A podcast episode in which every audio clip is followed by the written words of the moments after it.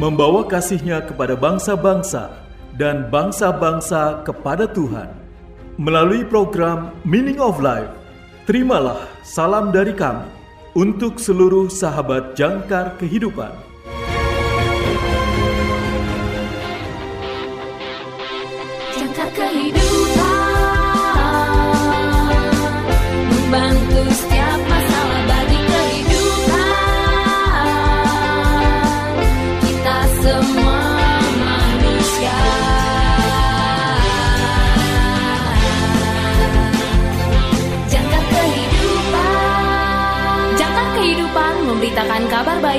Kita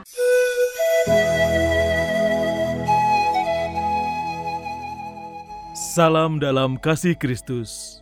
Selamat berjumpa kembali sahabat terkasih dalam program renungan Meaning of Life. Renungan pada hari ini berjudul Karunia Pertobatan yang diambil dari khotbah berjudul Memulai yang Baru dari pendeta Dr. Wallace Gold, mantan pembicara The Lutheran Hour. Nas Alkitab pada hari ini diambil dari Mazmur pasal 51 ayat 17. Inilah firman Tuhan, korban sembelihan kepada Allah ialah jiwa yang hancur, hati yang patah dan remuk, tidak akan kau pandang hina, ya Allah. Sahabat yang terkasih, semangat yang hancur, hati yang patah dan remuk, pengorbanan macam apa ini? Raja Daud berbicara tentang pertobatan, menyesali dengan tulus atas dosa-dosa masa lalu kita, dan berpaling kepada Tuhan untuk belas kasihan dan pengampunan. Tapi bagaimana caranya? Bagaimana mungkin hati kita yang penuh dosa berusaha untuk berpaling dari dosa yang begitu erat melekat? Ibrani pasal 12 ayat 1b.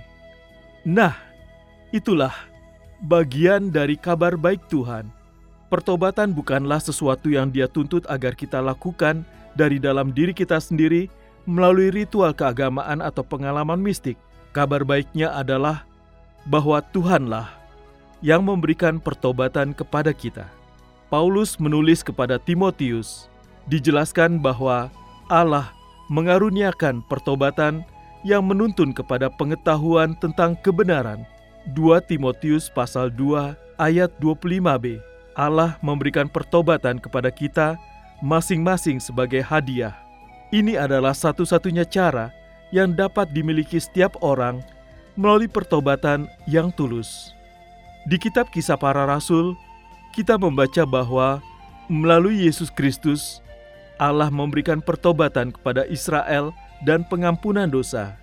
Kisah Para Rasul pasal 5 ayat 31b. Dan kemudian dalam Kisah Para Rasul pasal 11, banyak orang Kristen Yahudi mula-mula belajar dari Petrus bahwa kepada orang-orang bukan Yahudi juga Allah telah mengaruniakan pertobatan yang membawa kepada kehidupan. Kisah para Rasul pasal 11 ayat 18b. Sahabat yang terkasih, Allah memberi kita karunia pertobatan melalui firman-Nya yang memberi hidup dan penyucian dengan cara yang agak sama. Allah dengan murah hati menuntun kita kepada pertobatan melalui kuasa hukumnya. Dalam kitab Roma, Paulus menulis bahwa jika bukan karena hukum, aku tidak akan mengenal dosa. Roma pasal 7 ayat 7b. Ini juga adalah karunia Tuhan, karena roh kudus bekerja melalui hukum Tuhan yang sempurna, menyatakan kepada dunia tentang dosanya. Dan ketika Yesus datang, dia akan menginsyafkan dunia tentang dosa dan kebenaran dan penghakiman. Yohanes pasal 16 ayat 8. Melalui hukum dan Injil Tuhan, Roh Tuhan bekerja dalam hati kita. Dia meyakinkan kita bahwa tidak peduli dosa apa yang mungkin telah kita lakukan, tidak peduli seberapa jauh kita telah menyimpang dari Bapa surgawi kita, Dia tetap mengasihi kita. Itu adalah Allah Bapa yang mengutus bukan hanya seorang anak laki-laki, tetapi anaknya yang tunggal, Yesus Kristus. Lihat Yohanes pasal 3 ayat 16 untuk mati di kayu salib dan membayar hukuman tertinggi atas dosa-dosa kita. Dalam pengorbanan terakhir Yesus, Bapaknya bangga dengan persembahan yang dibuat Yesus untuk segala dosa kita, sehingga di dalam dia kita beroleh penebusan oleh darahnya, pengampunan dosa kita, menurut kekayaan kasih karunia-Nya. Efesus pasal 1 ayat 7 Sahabat yang terkasih, kekayaan ini juga untukmu temanku. Saudara dapat memiliki kehidupan yang baru dan lebih baik ke depan tidak perlu hidup terbebani dengan rasa bersalah atau penyesalan atas kesalahan masa lalu saudara. Yesus membawa mereka semua ke kayu salib, seperti yang dikatakan Yohanes Pembaptis. Waktunya telah genap, dan kerajaan Allah sudah dekat. Bertobat dan percaya kepada Injil. Markus pasal 1 ayat 15 Melalui firman dan rohnya yang membersihkan dosa dan memberi hidup, Tuhan ada di dekat saudara. Dia ingin saudara menjadi bagian dari kerajaannya sekarang. Seperti orang tua menarik seorang putra atau putrinya mendekat, demikian juga melalui karunia pertobatan Allah, Bapa Sorgawi sedang menarik saudara dekat kepadanya. Dan ketika ada pertobatan di hadapan Allah, ada pengampunan.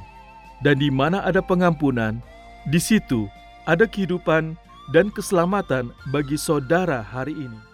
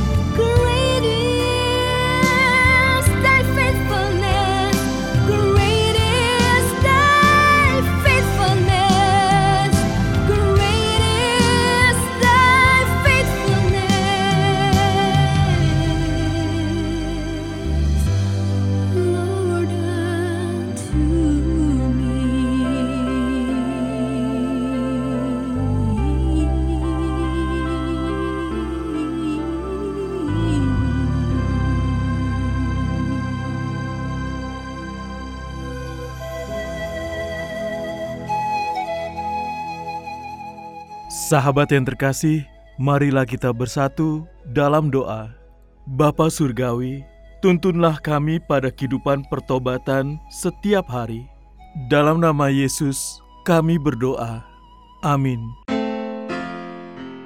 Ikuti seminar redefinisi dan rektualisasi visi misi Sinode Gereja dan implementasi 95 tesis abad ke-21 demi meningkatkan religiositas umat Kristiani menuju ke kerajaan Allah. 5 November 2022 pukul 10 pagi waktu Indonesia Barat bertempat di STT Kataros, Jalan Cut Mutia, Bekasi menghadirkan pembicara Dr. Suwandi MTH, pembina Yayasan Jangkar Kehidupan, Yogi Prihartoro MA MTH, Ketua Bet Shalom Institute, The Reference Insinyur Eri HW Rumengan MA, Ketua Yayasan Jangkar Kehidupan. Untuk informasi, hubungi 0853 1056 8008 0853 1056 8008. Acara ini diselenggarakan oleh STT Kataros Bekasi bekerja sama dengan Yayasan Jangkar Kehidupan Lutheran Our Ministry Indonesia, bringing Christ to the nation and the nations to the church.